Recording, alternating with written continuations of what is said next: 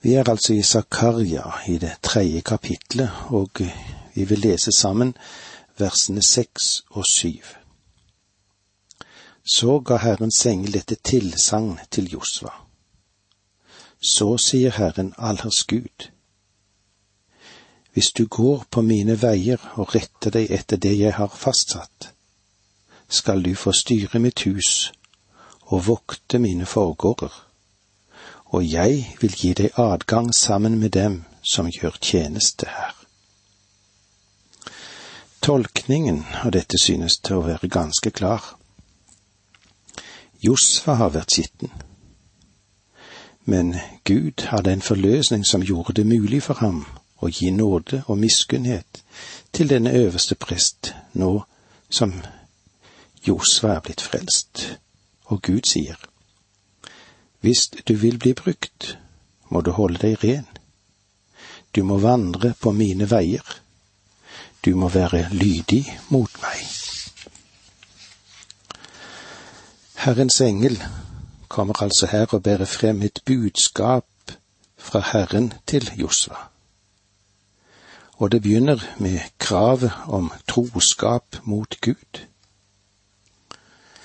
Men kravet det settes frem på bakgrunn av utvelgelsen og renselsen slik vi òg ser det i vers fire. Ta de skitne klærne av ham, og så til Josva sa han da, se, jeg tar bort din syndeskyld og vil kle deg i høytidsklær. Så fortsettes det med å fortelle hva som videre skulle skje, så sier Herren allers Gud, hvis du går på mine veier og retter deg etter det jeg har fastsatt, skal du få styre mitt hus og vokte mine forgårder, og jeg vil gi deg adgang sammen med dem som gjør tjeneste her. Det vil si at han er blant himmelske vesener. Josfa får altså en direkte adgang til den himmelske Far.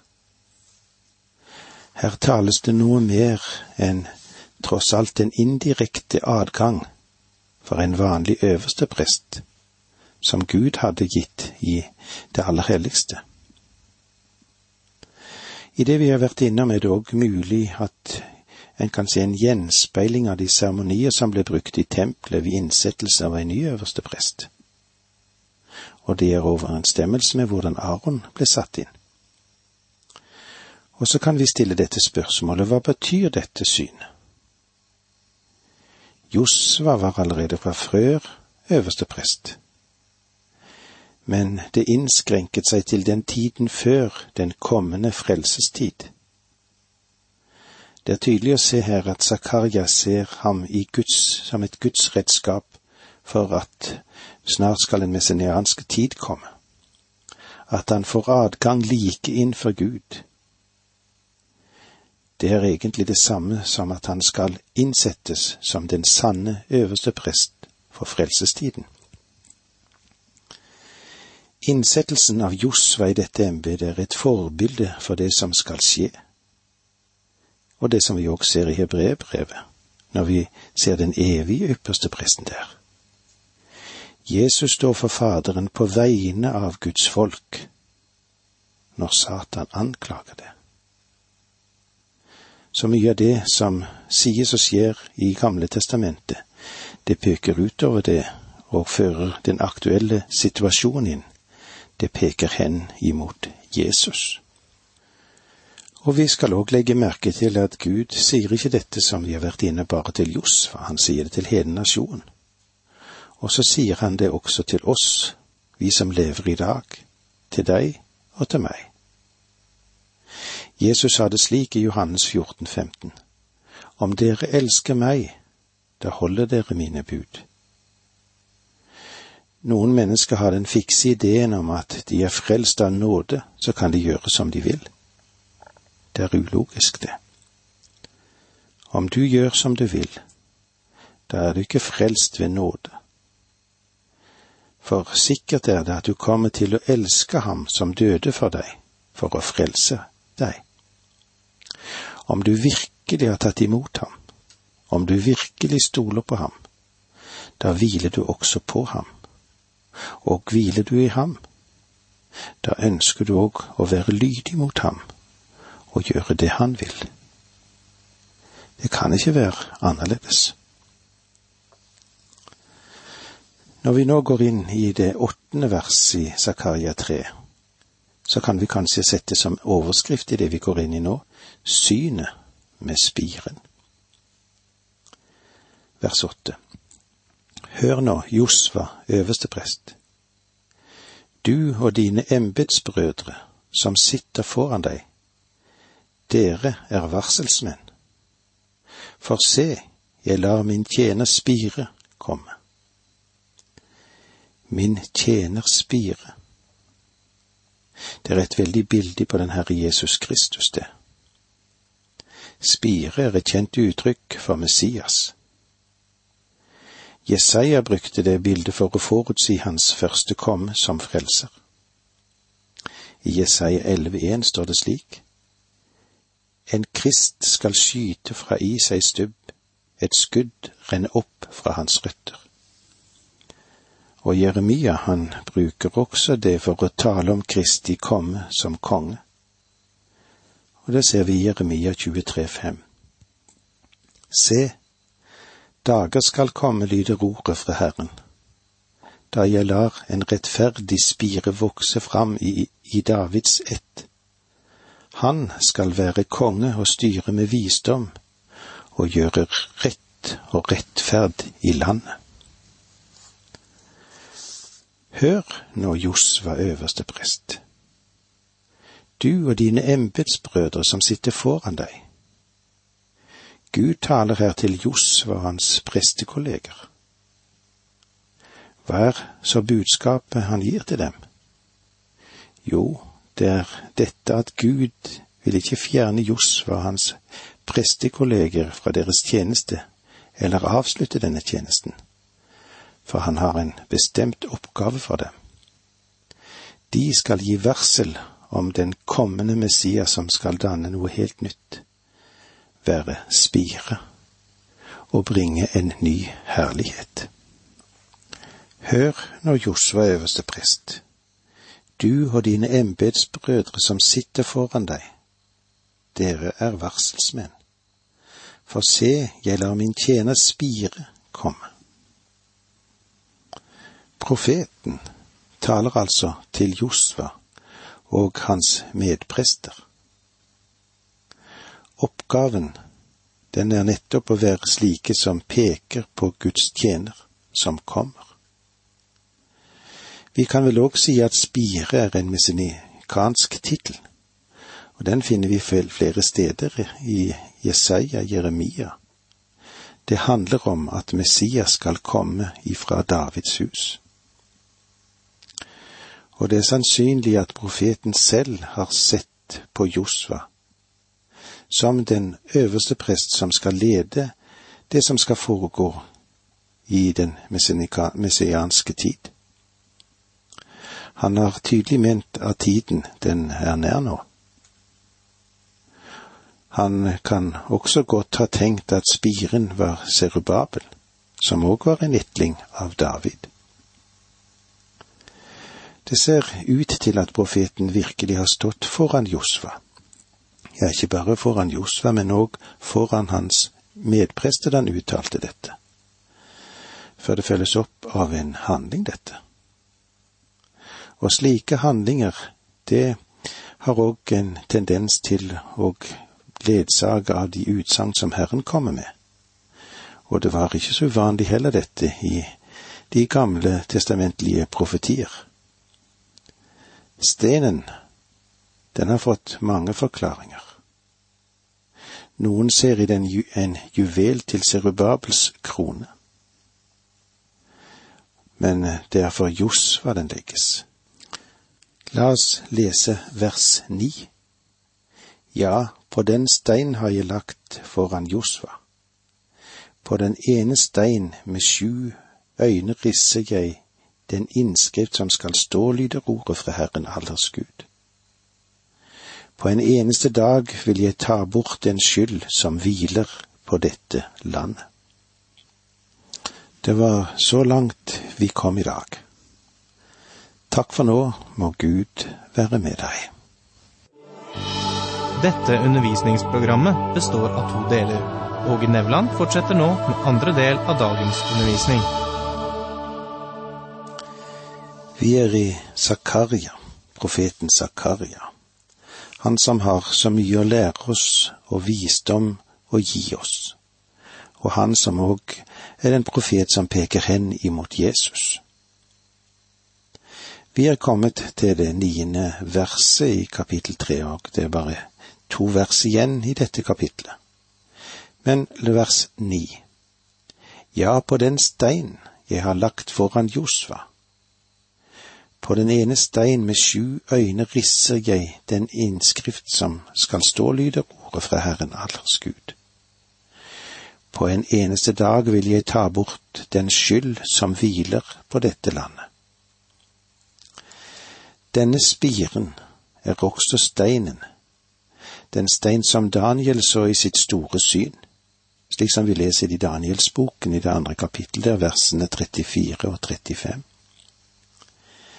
Mens du sto og så på billedstøtten, ble en stein revet løs, men ikke av menneskehender, og den traff føttene som var av jern og leire og knuste dem da gikk alt sammen i stykker, både jernet og leiren, kobber og sølvet og gullet.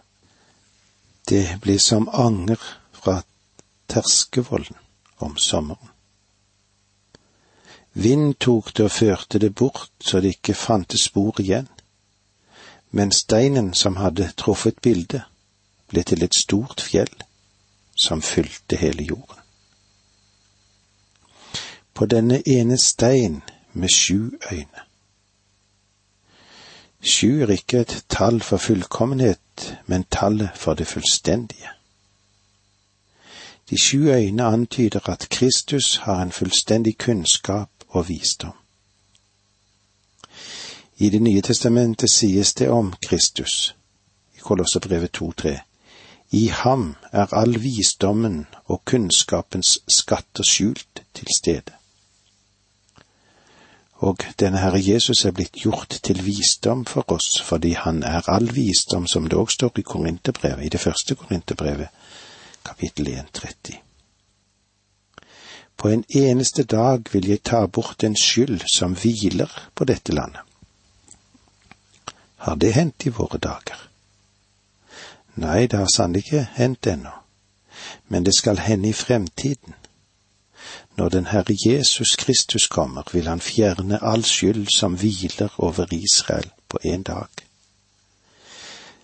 Vers ti Den dagen lyder ordet fra Herren, allers Gud. Skal dere innby hverandre til gjestebud under vintre og fikentre. På den dag, ja, det refererer seg til Herrens dag, skal dere innby hverandre til gjestebud under vintre og fikentre. Det betyr at de skal bo i fred og glede på den dagen. Det var det vi hadde med oss i kapittel tre. Når vi nå går inn i det fjerde kapitlet, kommer vi til Zakarias syvende syn. Når vi tenker tilbake på de syn han allerede har hatt, kan vi se en hel historie utfolde seg. Det første han har sett, er rytter under myrtetrærne. Det andre de fire horn. Det tredje de fire smedene. Og det fjerde mannen med målesnoren. Og det femte Josva og Satan. Og deretter spiren og steinen med de syv, med de syv øynene. De fire første synene symboliserer den ytre utfrielse fra slaveri og trykket som var i Babylon. Synene pekte også fremover mot endetiden når Israel igjen vil bli adspredt over verden, som de er det i dag. Det er ganske spredt. Men de skal vende tilbake til sitt land når den Herre Jesus fører dem tilbake. Det femte og sjette syn symboliserer den indre frelse. Øverstepresten Josva, kledd i skitne klær, som Gud erstattet med rene klær, forteller om et folk som skal føres tilbake til landet med en dyp hensikt. Men de kan ikke bli brukt i sin synd. De må renses først men de kan ikke rense seg selv, og deres religion makter det ikke. Renselsen, den må komme fra noe utenfor dem selv. I Jesaja, i det første kapittel vers 18, leser vi slik. Kom, la oss gjøre opp for sak, sier Herren. Om deres synder er som purpur, skal de bli hvite som snø. Om de er røde som skarlagen, skal de bli hvite som ull. Gud selv stiller til rådighet en forløsning. Med Kristi dyrebare blod. Blodet av et lam uten feil og lyte, som det står i første Peter 1,19. Renselsen er faktisk frelse. Og han frelste oss, ikke på grunn av våre rettferdige gjerninger, men fordi han er barmhjertig. Han frelste oss ved det bad som gjenføder og fornyer ved Den hellige ånd, står det i Titus 3,5. Når Josva, øverstepresten, nå er renset, så kan du kanskje si at han er klar til tjeneste. Nei, han er ikke det enda. Vi kommer nå til synet med gullysestaken den som skal vise oss hvordan Josva skal fullbyrde sin tjeneste som øverste prest. Synet av lysestaken og de to oliventrær. Vi leser i vers 1. Engelen som talte med meg, vekket meg på nytt, som når en mann vekkes opp av søvnen. La meg igjen få understreke for dere at Zakaria var våken da han tok imot disse synene. Så langt har han allerede hatt seks veldige syner. Han hadde vært på kveldsskift og nattskift, og det var tid til å få litt hvile. Så etter at han hadde mottatt det sjette synet, døset han av litt. Nå må engelen vekke ham opp fordi han ikke skal motta synene i en drøm. Han kommer til å se hvor enkelt det er. Han spurte meg, hva ser du? Jeg svarte, jeg ser en lysestake som er av gull helt igjennom.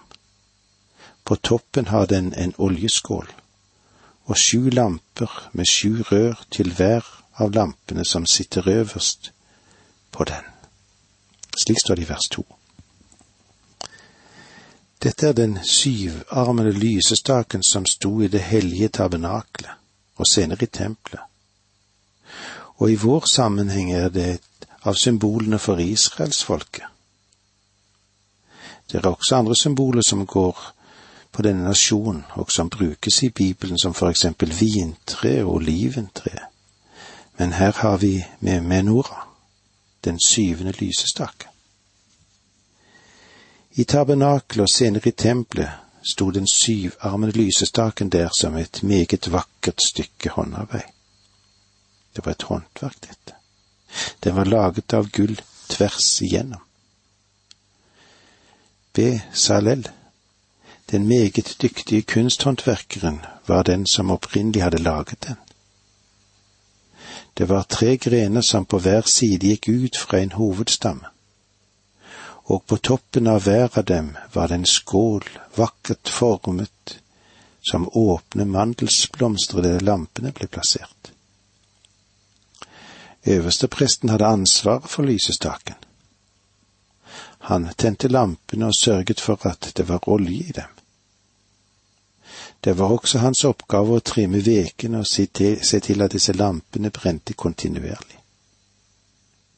I åpenbaringsboken har vi et bilde av den Herre Jesus Kristus, vår store øverste prest, som vandrer mellom lysestaken som representerte de syv menighetene i Lille Asia. Han advarte dem om at hvis de ikke gjorde bot for sine synder, så ville han fjerne lysestaken. Og han gjorde nettopp det. I det moderne Tyrkia er ingen av disse menighetene lenger i funksjon. De gikk under. Kristus tok bort lysestakene. Og også senere har Herren vist gjennom historien at han fjerner lysestaken for kirker og bevegelser som mister sansen for det sanne Guds ord. Og her i Zakaria sitt syn er det Israel som er selve bildet. Det er representert ved med Nora, og som i fremtiden skal være et vitne for Gud i verden. På toppen har den en oljeskål. Dette er noe nytt som er kommet til, og som du finner i de instrukser som ble gitt av Moses for utfordringen av den opprinnelige lysestaken.